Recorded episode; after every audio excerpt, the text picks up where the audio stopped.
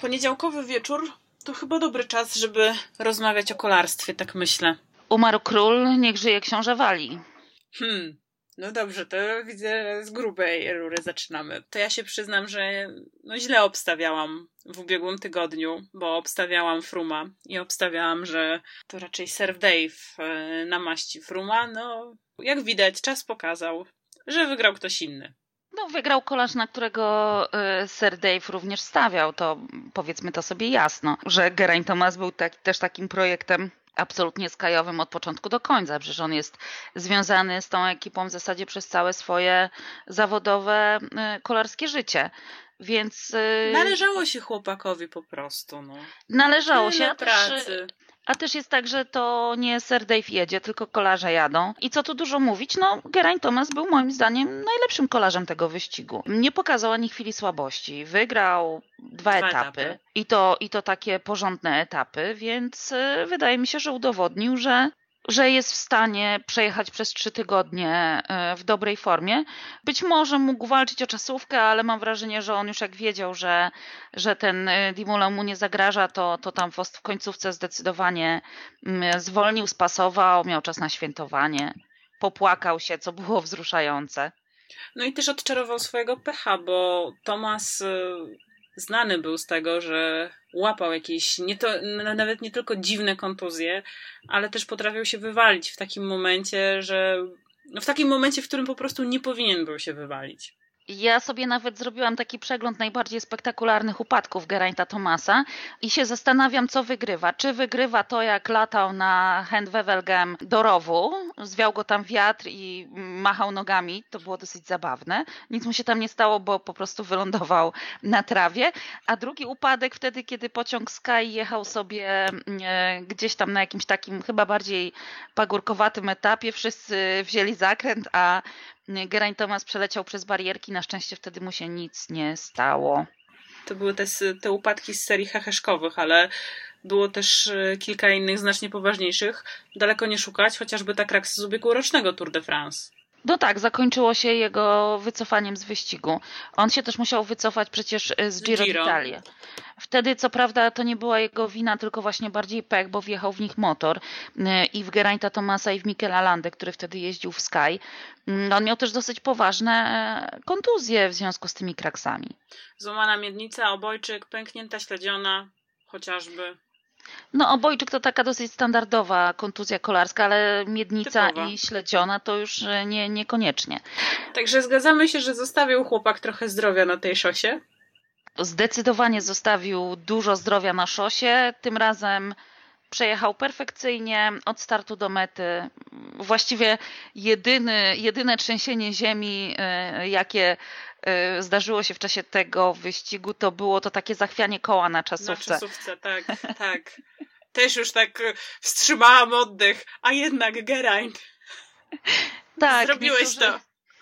Tak, niektórzy nawet szydzili, że to jest jedyny możliwy kolarz, który mógłby przegrać y, Tour de France na etapie przyjaźni, y, na przykład wracając się spektakularnie gdzieś tam na tych brukach Champs-Élysées, ale na szczęście nic się nie stało. Ja mu zresztą nie życzę nic złego. Bardzo mi się podobała jego przemowa, a zwłaszcza ten epicki gest rzucenia mikrofonu po tym, jak powiedział Vive Tour, upuścił ten mikrofon takim gestem, jakim to robią tacy rockmeni, powiedziałabym.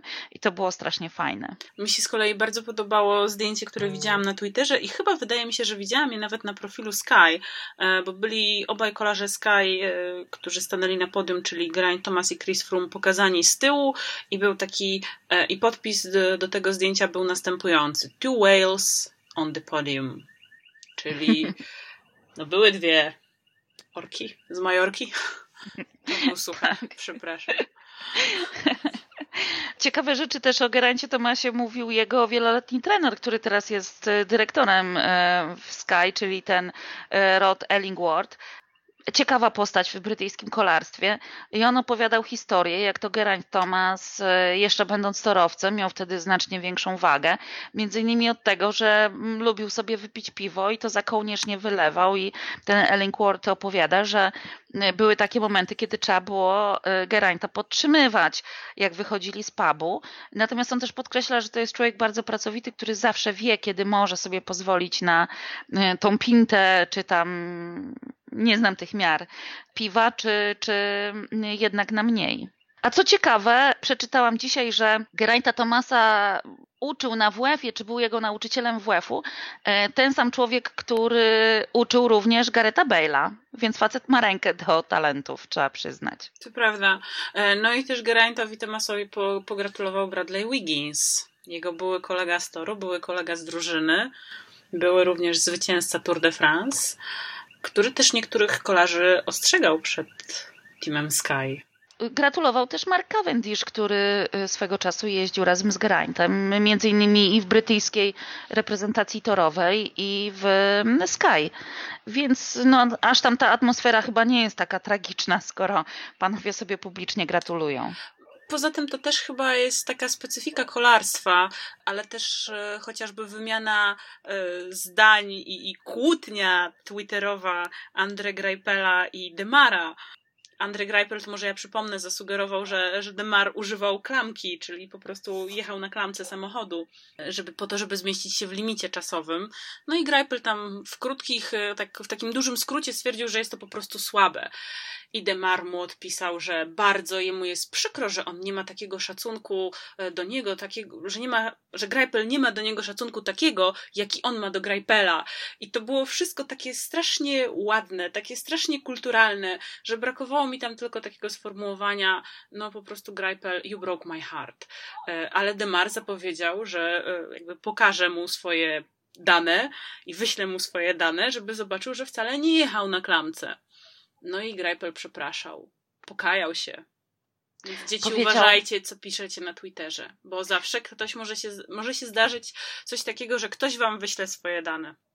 Na przykład, a też trzeba powiedzieć, Greipel powiedział, że nie będzie zabierał głosu w sprawach, o których nie ma pojęcia. Takie było tam sformułowanie, może nie tak dosłownie jak powiedziałam teraz z pamięci, ale coś tam takiego było. Tak, było tam coś w tym stylu.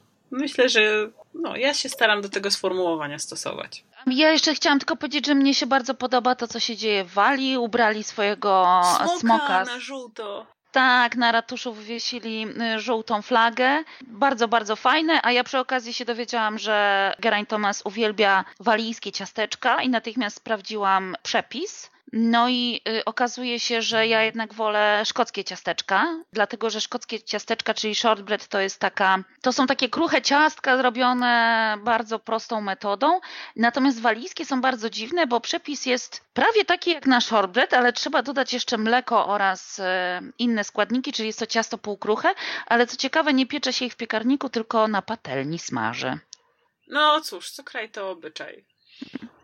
Nie brzmi to zbyt smacznie.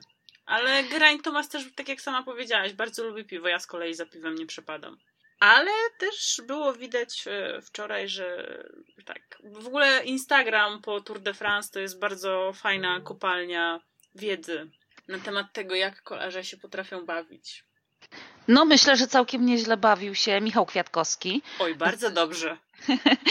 Zdjęcia były na Twitterze, nie, nie na jego profilu, tylko na y, profilu innych uczestników zabawy. No ale Co no. się działo na Insta Stories Luka Rowe? No właśnie, co tam się działo, opowiedz. Wesoły autobus Teamu Sky. Bardzo wesoły autobus Teamu Sky bym powiedziała. I na czele wodzirej imprezy Michał Kwiatkowski po, powiedzmy jasno, że, że Michał Kwiatkowski nie był tam od robienia atmosfery.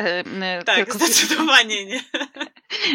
tylko ciężko pracował. Mnie się wydaje, że większą atmosferę robił właśnie Luke Rowe. No tak, bo przecież mówiło się, że Rowe pojechał tam na prośbę Geraint'a Tomasa, że Geraint tak jakby zasugerował, że on by chętnie z Lukiem, no bo Luke też jest walijczykiem, e, ale z Lukiem Rowe jest ciekawa sprawa, bo w ogóle on miał bardzo, bardzo długą przerwę od roweru. E, w ubiegłym roku, też właśnie w okolicach lipca i sierpnia, e, jego brat miał wieczór kawalerski, a wiadomo jak to mimo wszystko, no, wiadomo, że Walijczycy, ale jednak panowie z wysp bardzo lubią te rejony Europy Wschodniej, żeby tutaj przyjechać, pobawić się, prawda, Kraków na przykład, taka bardzo popularna destynacja, e, dużo tam pijanych Anglików można spotkać na rynku, e, natomiast panowie wybrali Czechy i Luke Rowe tak e, dosyć niefortunnie skoczył do wody, że złamał sobie nogę. I to naprawdę złamał sobie nogę bardzo, bardzo poważnie, ma tam nawet wstawiony pręt, także przeszedł wielomiesięczną rehabilitację i ma chłopak farta, że ten Tour de France pojechał. Po takiej kontuzji ciężko czasem wrócić. Jemu się udało, też widziałam, że bawił się na tym turze. Oprócz tego, że ciężko pracował na trasie, to bawił się i w ciągu y, turu całkiem nieźle. Widziałam jego y, media społecznościowe. To też taki jest y, social media ninja. Mi się też bardzo podobało, jeśli jesteśmy przy social mediach, to jak Michał Kwiatkowski zapowiedział swój udział w Tour de Pologne. I Michał umie w social media. I'm coming home. To ładne. Zwłaszcza, że odnosi się chyba do mundialu. No właśnie, dlatego. I do Geraint'a i tak dalej, więc tak, tak, to dowcipne i fajne. Bardzo się ucieszyłam zresztą, że Michał Kwiatkowski przyjeżdża na Tour de Pologne. Tak trochę skaczemy, ale. Ale jest poniedziałek, jest tak gorąco, możemy skakać. Dobrze, to y, skacząc powiem, że bardzo dobrze, że przyjedzie. Może jakieś punkty na łapie przed Mistrzostwami Świata, bo na tym Tour de France niestety punktów nie udało się zdobyć polskim kolarzom, a tutaj trzeba no... Walczyć chociaż... o ekipę. O walczyć o ekipę, tak, natomiast wydaje mi się, że szans raczej nie ma, bo odstajemy jednak sporo um, od tego dziesiątego miejsca, która za, które zapewnia pełny skład na Mistrzostwach Świata, więc będzie troszeczkę mniejszy. No dobrze, ale tak wracając jeszcze do Tour de France i, i będąc cały czas w teamie Sky. Ale rozma będziemy rozmawiać o wygaszaniu Fruma? Tak myślę. Chciałam się e, ciebie zapytać, czy uważasz, że to jest początek wygaszania Fruma? Co sugerowano jeszcze przed Tour de France, nawiasem mówiąc, pojawiały się takie głosy, że to jest koniec ery Fruma. Kurczę, to jest Trudne pytanie, bo z jednej strony ja jestem bardzo dużą e, w ogóle fanką różnych, różnych teorii spiskowych, nie tylko tych teorii spiskowych dotyczących kolarstwa, ale no może tak być. Może tak być, to by się wydawało też tak trochę po tym, co widzieliśmy, jeszcze ta forma Fruma nie była do końca taka, taka super, chociaż z drugiej strony, no i on i Dimuleon zajęli y, miejsce na podium w dwóch wielkich turach i to w tych dwóch wielkich turach po sobie, więc pojawiła się szansa na to, y, że można wygrać te dwa wielkie tury e, w ciągu roku. No, ten salbutamol w ubiegłym roku, to wszystko, co się wydarzyło wokół tej sprawy, bardzo, bardzo, bardzo e, zaszkodziło Frumowi. To, to, to, to, że ta sprawa się tak ciągnęła, że to było takie rozwleczone, e, wszyscy się tym interesowali, my musiałyśmy o tym mówić, mimo już już po prostu też mieliśmy dosyć. Mówił o tym pan Prudhomme, który potem ściskał się z nim za rękę na etapie przyjaźni, no bo etap przyjaźni, jak etap przyjaźni to etap przyjaźni. Ja trochę szkuję, ale ciężko powiedzieć, czy jest to wygaszanie Fruma i co siedzi teraz w głowie Dave'a Braceforda. To wie tylko Dave Braceford oczywiście jakby wydaje mi się, że też e, bazujemy tylko na znikomej ilości informacji dotyczącej Chrisa Fruma. Pewnie tak. Y, ja nie wiem, czy to jest wygaszanie projektu Chrisa Fruma, ale pamiętam, jak wygaszany był projekt pod tytułem Bradley Wiggins, który to projekt udało się wygasić jeszcze tak naprawdę nim się pojawiły sprawy y, Jiffy Bugs. Natomiast y, wydaje mi się, że to jest wygaszanie projektu Fruma i chyba nawet tak sobie myślę, że to gdzieś było tak założone, że ewentualnie gdyby Froome wygrał Tour de France, to pojechałby jeszcze na Vuelta i to prawdopodobnie byłby ten ostatni akord y, wygaszania jego y, kariery. Pytanie oczywiście o jego własne ambicje, bo ja myślę, że e, Frum może niekoniecznie chcie, chcieć się sam e, wygasić. To prawda, poza tym on też ma bardzo długi kontrakt Sky. Z tego co tam, z tego co patrzyłam na Pro Cycling Stats, to on ma chyba nawet do 2021 albo do 2020 roku podpisany ten kontrakt. W przypadku Wigginsa było podobnie, natomiast y, atmosfera wokół Wigginsa zrobiła się taka, że Seruigo postanowił zakończyć na Paryż-Roubaix. Zostawił swój autograf w autobusie Sky. Zostawił, widziałam nawet ten autograf. I on tam chyba cały czas na drzwiach od toalety jest. Nomen, nomen, widziałam ten autograf w Zakopanem. Ja nie pamiętam gdzie, ale tutaj w Polsce był ten autokar, więc przy okazji robienia materiału w autobusie Sky to oczywiście... W tym samym roku robiłyśmy te materiały. Jacek Walczak nas oprowadzał. Tak, tak. Na, nawiasem mówiąc, Jacek Walczak był drugą osobą, którą uściskał Geraint Thomas. Zaraz po tym, jak się uścisnął na mecie czasówki ze swoją żoną, uściskał się z, właśnie z Jackiem Walczakiem, który zdaje się masował go podczas tego turu. W ogóle Jacek Walczak... Magiczne ręce Jacka. Tak, magiczne ręce Jacka. Y, wydaje mi się, że y, Jacek Walczak jest jednym z najbardziej utytułowanych polskich masażystów, utytułowanych w cudzysłowie, ale pracujących dla ekip, które y, wygrywały Tour de France, bo on ze Skyem jeździ na Tour de France właściwie prawie co roku, bo pamiętam, że spotykałam go w Paryżu.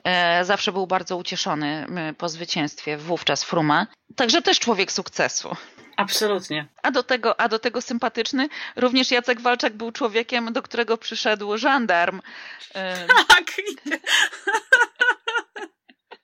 Bardzo mi się podobała przeróbka e, okładki przeglądu sportowego, bo tam był Walczak e, tak. w sensie odnośnie Rafała Majki, a to chyba Szymon przerobił. E, Szymon, najsłynniejszy fan Bora Hansgrohe w Polsce. E, Szymon chyba przerobił właśnie na Walczak, na Jacka, który słucha żandarma.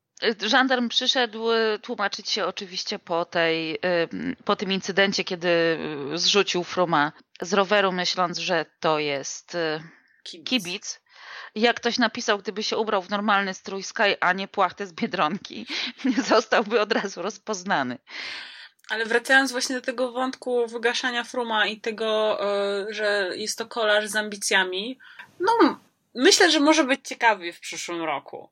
E, dlatego, że pamiętajmy, jeszcze był taki epizod, e, kiedy ta e, sprawa Jiffy Bag wypłynęła. To było bodajże w 2016 roku, 17, na przełomie 2016 i 2017 roku. I ja wtedy poleciałam na Majorkę razem z dziennikarzami na szosie, z Markiem Balą i z Martą Wiśniewską. Pojechaliśmy wtedy na, między innymi na obóz Sky i tam nie było Chrisa Fruma. I było wcześniejsze zaproszenie na konferencję Chrisa, która odbywała się na południu Francji, gdzie, gdzie on mieszka. No i też wtedy się tak plotkowało, że oje, że właśnie Chris tutaj jakby ma swoją konferencję i trenuje u siebie, Sky z Dave'em Bracefordem jest na Majorce, są u siebie, więc to może być ciekawe, co będzie się działo w, w przyszłym roku w Sky. Biorąc pod uwagę Chrisa Froma. I też pytanie jest oczywiście takie, czy Geraint Thomas będzie w stanie powtórzyć ten sukces, krótko mówiąc, czy będzie w stanie pojechać po raz kolejny w swojej karierze taki wyścig przez trzy tygodnie w takiej formie, bez kraks, bez presji, w dobrej kondycji psychicznej i tak dalej, i tak. E, wydaje mi się, że równie dobrze może być to jednorazowy wyskok, jak w przypadku mm, Wigginsa. No ja nie mam takiego doświadczenia kolarskiego jak ty, ale e, kobieca intuicja podpowiada mi, że to raczej był jednorazowy wyczyn i wydaje mi się, że nawet brałam udział w jakiejś takiej sądzie twitterowej. Było takie pytanie właśnie, ile razy Geraint Thomas wygra Tour de France i tam była odpowiedź jeden, więc odpowiedziałam jeden. Ja się chciałam jeszcze odnieść do jednej rzeczy, o której mówiłaś, bo wspomniałaś o dublecie i o tym, że Dumoulin dowodzi, że to jest możliwe, bo zajął w obu wyścigach drugie miejsce. Ja uważam, że nie do końca. To znaczy, wydaje mi się, że ten dublet jest praktycznie niemożliwy, czego dowiedli ci dwaj kolarze w tym roku. Mimo tego, że było o tydzień więcej na odpoczynek i na przygotowanie się do Tour de France. Oczywiście, Dumoulin był w bardzo dobrej formie na Tour de France. Może nawet w lepszej niż na Giro, tylko że on tego Giro nie wygrał. Nie wygrał, to prawda. Froome był w zdecydowanie gorszej kondycji podczas Tour de France niż był w ostatnim tygodniu Giro d'Italia. Natomiast Froome też niósł sobie tę presję, tę konieczność wygrania tego drugiego turu i to wydaje mi się, że też jest niesłychanie ważne, że ten element presji spoczywającej na kolarzu też może być związany z formą. Czytałam takie bardzo ciekawe opracowanie mówiące właśnie o tym, jak potrafi forma spadać w momencie, kiedy zawodnik odczuwa zbyt wielką presję, czy jest zbyt zestresowany i że jest to związane wręcz właśnie ze spadkiem y, możliwości fizycznych. Psychologowie sportu razem z fizjologami sportu y, zastanawiają się, jak temu zaradzić. To są przypadki takie, że ktoś na przykład na treningu jest po prostu mega, po czym przychodzą zawody i się okazuje, że nie jest mega. To często się zdarza w wielu dyscyplinach coś takiego. Bardzo często. Więc no to, to jest jakby tak, taki ciekawy, ciekawy wątek sportowy. Ja jeszcze do tego wrócę, może przy okazji Majki, bo musimy być w kontakcie z naszymi słuchaczami. Szymon Jadczak na Twitterze zaczepił nas o to, żebyśmy w pełni przeanalizowały mm, to, co się stało z Rafałem Majką. Ciebie I myślę, że zaczepił. mnie, tak, mnie zaczepił. I myślę, że, że to zrobimy jakoś tak na koniec, ale jeszcze chciałam właśnie o tym dublecie powiedzieć, bo Frum, i to jest też takie moje, y, moje przemyślenie związane z, z kwestią dubletu, że Frum się też bardzo do tego dubletu przygotowywał. W tym sensie, że on bardzo konsekwentnie od wielu lat startował Tour de France, a potem Vuelta.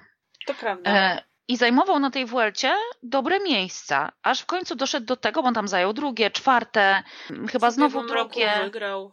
No ale właśnie do tego zmierzam. A w ubiegłym roku wygrał tę Vueltę. Też oczywiście można twierdzić, że okoliczności, że nie miał tam e, kogoś, kto by mógł mu zagrozić i tak dalej, i tak dalej, ale dobrze. powiedzieli, że sobie tam e, właśnie wziął trochę więcej, co nieco. No tak, no, no sprawa jest zamknięta, dla mnie nie istnieje, ja tutaj nie będę już e, e, wchodzić tylko w jakieś szczegóły. On też poznał swój organizm dzięki temu i to myślę, że też miało sprawić, że, że ten dublet y, Giro Tour byłby możliwy. Zwłaszcza, że sam Froome powiedział, że jednym z głównych czynników, które on brał pod uwagę było to, że tych tygodni było pięć, a nie cztery pomiędzy Giro a, a Tour de France. No ale i tak się nie udało. Czyli co? Czyli myślisz, że ta sprawa z salbutamolem aż tak bardzo mu siadła na psychice? Mnie się wydaje, że nawet niekoniecznie samym salbutamolem. Wydaje mi się, że ta presja jest bardzo, bardzo trudna. Co ciekawe, Froome twierdzi, że przy odpowiednich okolicznościach dublet jest możliwy. Tak. To samo mówi Alberto Contador, który tego próbował. Nie, nie będzie dzisiaj jingle. Jestem zmęczona, jest za gorąco. Dobrze, e, który tego próbował i on powiedział, że przede wszystkim musi to być zawodnik, który jest w stanie potencjalnie wygrać oba te wielkie tury, bo to też nie jest oczywiste. I wygrać ten pierwszy, a potem zmierzyć się właśnie z tą tym presją. drugim. No. Tak, z tą presją już wtedy, z tą presją oczekiwań. E, Contador po każdym swoim wygranym Giro, kiedy startował w Tour de France, zajmował piąte miejsce. Więc tu Froome i tak był lepszy, bo zajął trzecie. No miał lepszą drużynę i tak dalej, i tak dalej. Mówię, trochę skreślam tego Dimulena z tego względu, że on nie wygrał Giro. Ja bym bardzo chciała zobaczyć Dimulena, który by wygrał Giro i przyjechał walczyć y, w Tour de France o zwycięstwo. Stawiam y, orzeszki przeciwko dolarom, żeby przegrał. Tak już precyzując, to Dimulen wygrał w ubiegłym roku Giro, ale nie pojechał turu. Natomiast w przyszłym roku zapowiada, że nie będzie jechał obu wyścigów. Skupi się na jednym i jeszcze nie wie, czy to jest Giro d'Italia, czy to jest Tour de France. Nawiasem mówiąc, Hashtag y, problemy pierwszego świata. ja lubię Dimulena za ten jego niewyparzony język. Ela przewraca oczami. Ja lubię, jak on wyskakuje i opowiada o jakichś pieprzonych motorach, które je- zajeżdżają mu drogę i tym podobne rzeczy. Ale podobało mi się, bo Geraint Thomas też potrafi y, nie przebierać w słowach i powiedział, że mm, na jednym z etapów y, przykleił się do Dimulena jak kupa do buta. Co Tomek na to? Nic, no y, sama A. widziałaś, że na podium to właśnie Tomek podpowiedział Geraintowi, że jeszcze ma w zespole Michała Kwiatkowskiego. Na co Geraint się roześmiał, powiedział, że jest bardzo zmęczony, a potem wymieniał też jeszcze inne osoby i zapomniał powiedzieć o swojej żonie. Więc bardzo fajna była ta przemowa, y, składna mimo tych y, zapomnień. Mnie się podobała. Ale wracając do rywalizacji, a nie eventów, trzeba chyba powiedzieć o Rogliczu. Primorzu Rogliczu, No, wypadałoby, tylko że już nie będziemy mówić o tym, że to jest były skoczek narciarski, który w ogóle zaczął jeździć na rowerze całkiem niedawno i zrobił oszałamiającą karierę, bo to już chyba wszyscy wiedzą, że jest to były skoczek narciarski i że zaczął jeździć na rowerze relatywnie niedawno. No i ma chłopak w nogach. Tak, ja się chciałam tutaj odnieść do tego, bo wiele osób e, z kolei mówi, że to jest niemożliwe, żeby skoczek narciarski tak się nauczył jeździć, miał taką wydolność i tak dalej. To ja tutaj chciałam tylko powiedzieć, że on jako skoczek narciarski musiał robić dokładnie to samo, co robią kolarze ze swoim ciałem, czyli utrzymywać bardzo niską wagę e, przy, jednoczesnym, przy jednoczesnej dużej sile mięśni. Wydolność musiał mieć wrodzoną, bo wydolność ma się wrodzoną, więc on miał tylko, że nie musiał jej wykorzystywać. Jako skoczek narciarski ma dobrą koordynację ruchów, bo musiał mieć, miał ćwiczenia. Przecież skoczkowie trenują koordynację, więc e, szybko nadrobił technikę, bo to jest przecież z tym związane. E, a na dodatek jako skoczek musiał być e, cholernie odważny, skoro skakał na planicy, więc nic dziwnego, że potrafi też zjeżdżać jak szatan. Ma pewnie gdzieś obniżony poziom poczucia niebezpieczeństwa, no. Tak mi się wydaje, więc ja nie widzę w nim nic, e, nic takiego. Natomiast uważam, że pojechał znakomicie ten y, tour i w ogóle ma znakomity sezon, bo przecież to, to też jest kolarz, który wygrywał wyścigi tygodniowe w tym sezonie. No i się pokazał bardzo ładnie. W kontekście Roglicza to szkoda trochę tego jego podium, bo to byłby już naprawdę, to byłoby naprawdę fajne przypieczętowanie tego sukcesu i tego dobrego sezonu, tego dobrego Tour de France w jego wykonaniu. E, no, gdyby nie Chris Froome, e, który podczas czasówki, podczas 20 etapu Tour de France odebrał Rogliczowi to zwycięstwo. Zmęczony był Słoweniec, widać było podczas tej czasówki. Może tak, może nie, e, odpokutował za, za ten atak z piątku, a ponoć e, zaatakował pierwszy raz na podjeździe, gdzie stała jego dziewczyna, więc to wszystko przez te baby. No i w sumie e, okazało się, że Roglicz pojechał znacznie lepiej niż Trzech Muszkieterów. Trzech Muszkieterów, których zobaczymy na będzie, będą mieli szansę się wykazać. Landa to się tak trochę uwolnił pod koniec, no. Znaczy ja myślę, że Landa był zupełnie uwolniony. E, on też powiedział ciekawą rzecz, że y, na papierze waty, które kręcił, były lepsze niż w ubiegłym roku, a mimo to nie był w stanie rywalizować. I tu moim zdaniem, ja cały czas powtarzam tę swoją teorię, że Landa jest kolarzem, który trenuje interwały i dobrze się czuje w interwałach jako taki typowy, prawdziwy góral i jest po prostu zajeżdżany przez te pociągi i przez tempowców. Dimulen na przykład nie lubi rwanego tempa. Frum nie przepada za rwanym tempem. E, Geraint Thomas też nie przepada za rwanym tempem, choć może no tam takie klasykowe jeszcze przyzwyczajenia, że, że mm, jest w stanie to, to, to jakoś tam e, ogarnąć. Natomiast Sky trenuje tak jak, tak jak trenuje, Dimulen trenuje tak jak y, trenuje, Roglic trenuje tak jak trenuje i myślę, że czas, żeby górale, ci tacy właśnie interwałowcy, zaczęli trenować inaczej. Czy się sprawdzą na Vuelcie? No pewnie tak, bo na Vuelcie jest znacznie trudniej mm, e, nawet Skyowi robić pociągi. Ewentualnie górale mają jeszcze jedną opcję moim zdaniem. Mogą poczekać, bo chodzą plotki, e, że Sky po przejęciu być może nie będzie chciało dalej e, finansować tego projektu, jakim jest ekipa kolarska. Sky jest najbogatszą drużyną World Touru, więc może sobie pozwolić na to, na co inni sobie nie mogą pozwolić. Może nie ma sensu zmieniać e, tego rodzaju treningu. Może trzeba po prostu cierpliwie poczekać.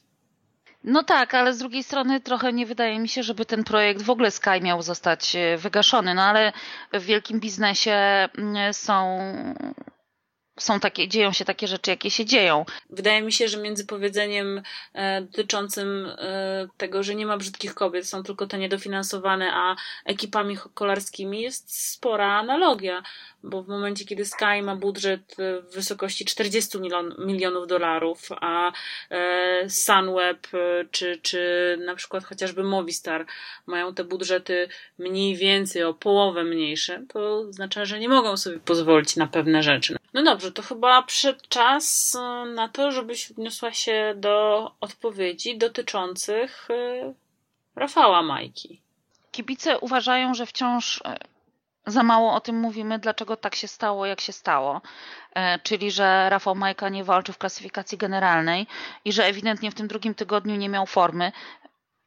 My żeśmy się ja... wypowiadały na ten temat troszeczkę w ubiegłym tygodniu e, i też żeśmy stwierdziły, że kurczę, ciężko wyrokować, bo Rafał naprawdę ten, tę pierwszą część turu pojechał bardzo dobrze. Bardzo dobrze.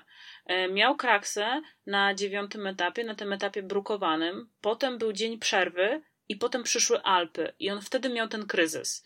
Więc żeśmy troszeczkę dywagowały, czy może ta kraksa Może jednak za dużo sił zostawił na tamtych poprzednich etapach, tych w pierwszym tygodniu, mimo iż miał możliwość schowania się za, za kolarzami, którzy jechali wtedy na Petera Sagana.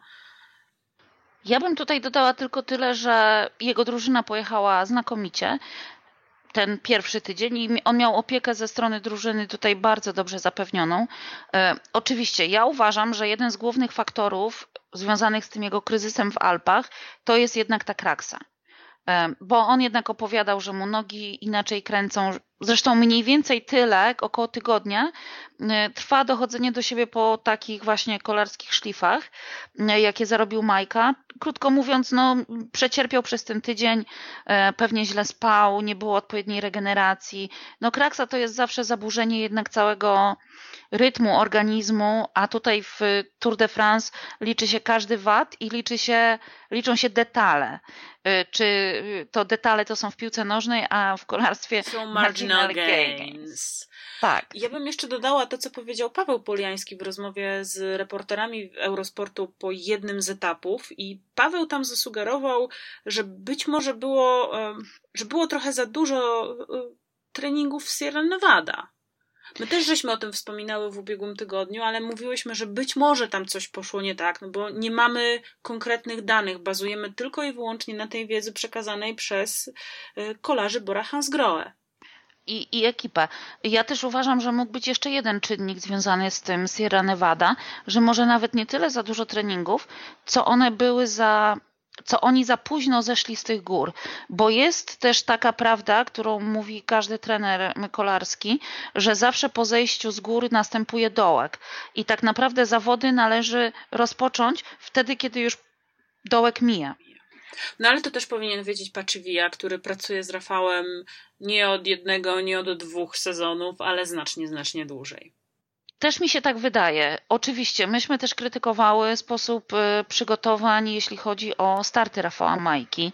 Mm, mówiłyśmy o tym, że o ile ta w ubiegłym sezonie ta Kalifornia i Słowenia, w Kalifornii wówczas zajął drugie miejsce, a w Słowenii y, Słowenię wygrał. wygrał mogła go tak psychicznie podbudować przed Tour de France. O tyle tutaj w tym roku y, te starty akurat nie przyniosły mu specjalnej chwały, bo nie wygrywał po prostu tych wyścigów, ani na nich nie błyszczał, nie wygrywał etapów. Ja byłam sceptyczna co do tych y, przygotowań i mówiłam o tym, że mnie się to nie podoba, że, że być może on powinien jednak pojechać do Szwajcarii albo do Delfinatu i być może to byłoby lepsze przetarcie, też sprawdziłby się w realnym wyścigu z realnymi y, pretendentami do miejsc na podium w klasyfikacji generalnej Tour de France, którzy właśnie tamte wyścigi wybierali. Jako te wyścigi właśnie przed Wielką Pętlą. Bo tu się raptem okazało, że y, w Kalifornii rywalizował z głównym pomocnikiem Geraint'a Thomasa, czyli z Zaganem Bernalem między innymi, y, a z kolei na Słowenii no, rywalizował między innymi z Primożem Rogliczem i z Rigoberto Uranem,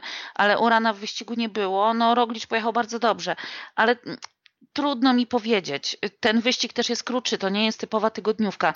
Tam jest mniej etapów. Ja się tutaj powiem szczerze, jestem bezradna, jeśli chodzi o rzetelną analizę tego, co się wydarzyło. Ja bo jeżeli powiem zawod... szczerze, że również. Bo jeżeli zawodnik yy, i jeżeli jego trener mówią, że na razie nie są w stanie powiedzieć, co się wydarzyło, no to ja nie wiem, co się wydarzyło. Mówię, ja ciągle się upieram przy tym, że jednak ta kraksa była tutaj głównym czynnikiem, dlatego że Gdyby to była kwestia przygotowań, gdyby to była kwestia nierozjeżdżenia się przed y, Tour de France. To on by tak dobrze chyba w Pirenejach nie pojechał, prawda? No więc właśnie o to chodzi, że to by tak szybko nie wróciło.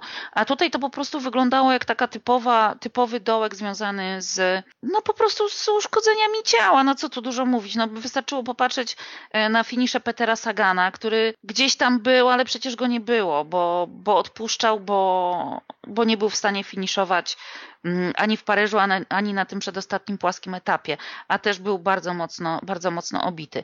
Ale tutaj jeszcze pytanie, pytanie z Twittera. Dlaczego które kolarze chciałam... upadają? Tak, chciałam to omówić przy okazji Geraint'a Tomasa, który akurat tym razem nie upadał, ale zostaliśmy poproszone o to, żeby, żeby to omówić przy okazji Majki. I padło pytanie, czy to jest kwestia techniki. Ja uważam, że to zależy od upadku. Dobrze powiedziane. Oczywiście, bo, że tak. No, jakby, bo tutaj różne kwestie wchodzą w grę. E, może być ślisko, e, może trochę ten wiatr powiać, może być rzeczywiście zła technika, e, może się dłoń z kierownicy omsknąć. No, tak na, na taki chłopski rozum, że, że, że nie można akurat w tym wypadku generalizować.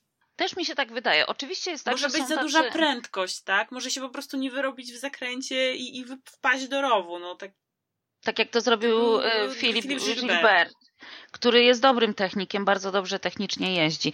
Oczywiście, że to jest tak, że oni wszyscy mniej więcej jeżdżą na podobnym technicznym poziomie. No umówmy się, trenują to kolarstwo X od lat. dziecka.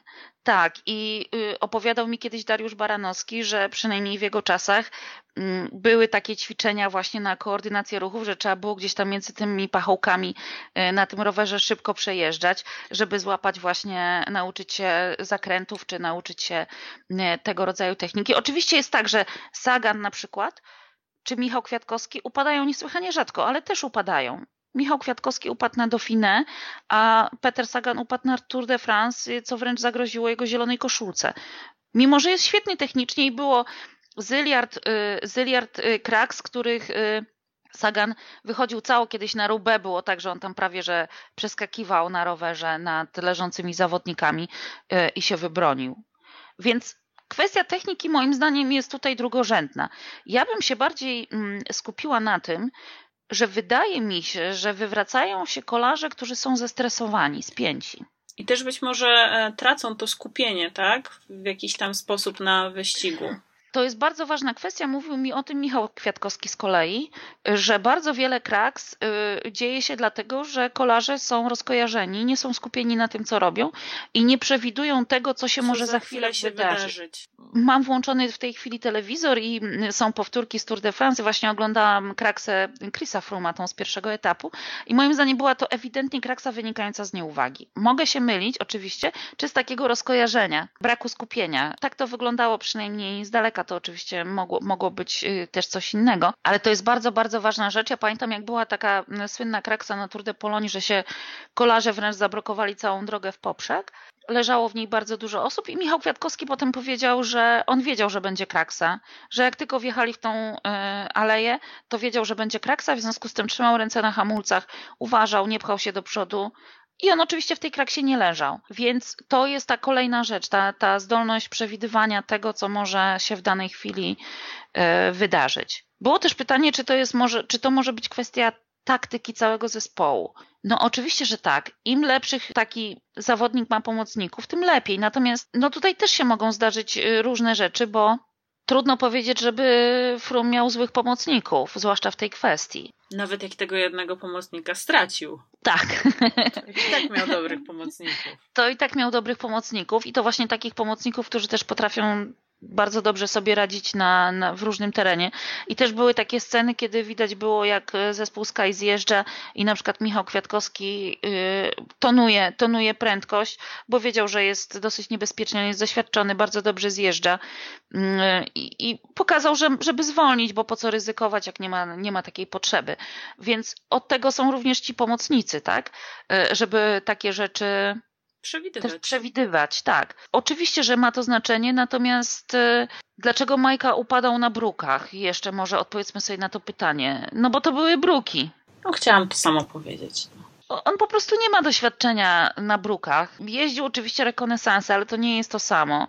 Mówię, nawet Geraint Thomas ma, ma, większe doświadczenie na brukach niż Majka, bo Geraint Thomas jeździł w Paryż-Roubaix, nawet zajął tam kiedyś siódme miejsce, nie pamiętam w którym roku, i był drugi albo trzeci na etapie brukowanym podczas Tour de France, więc jego doświadczenie było znacznie większe w tej kwestii. I też podsumowując tę sprawę Majki, to dla mnie kolarstwo to nie jest sport czarno-biały. To jest sport pełen odcieni, gdzie czasem decydują niuanse, drobiazgi, czasem trochę brak szczęścia. E, I tu nie ma według mnie takich gotowych recept na to, co się wydarzyło. Też była kwestia tego, czy Majka zjeżdża słabo. Nie, on zjeżdża przyzwoicie. A to, że Primoz Roglic yy, czy Michał Kwiatkowski mają gdzieś w zupełnie innym miejscu ten bezpiecznik yy, zamontowany, yy, który mówi o niebezpieczeństwie, czy też y, tak bardzo ufają w swoje mm, zdolności zjazdowe, to jest jakby inna kwestia. No mówię, no Sagan, który jeździ znakomicie, też się wywrócił na zjeździe.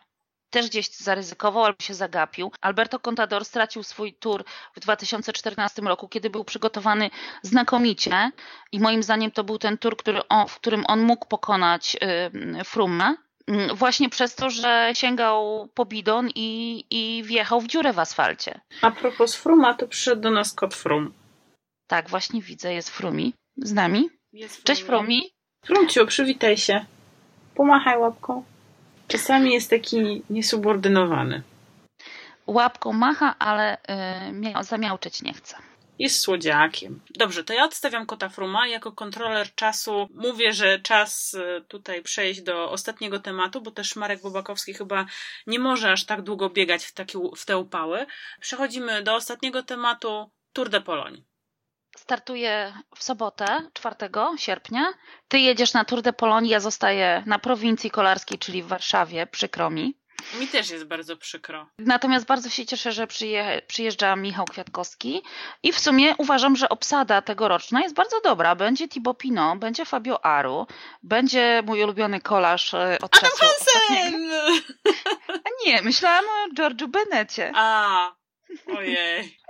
Ale będzie też Adam Hansen oczywiście. Um, Lars Bohm, będzie Nasser Bouani, będzie się działo. Będzie się działo. Jest y, Caleb Iwan zdewastowany tak. tym, że nie został zabrany na Tour de France. Mam Caleb, nadzieję, że się odbudował. sprintu czeka na ciebie. Był tak. w ubiegłym roku i nie udało mu się wtedy. Pozdrawiamy Maćka Stolarczyka tradycyjnie przy świątyni sprintu. Absolutnie.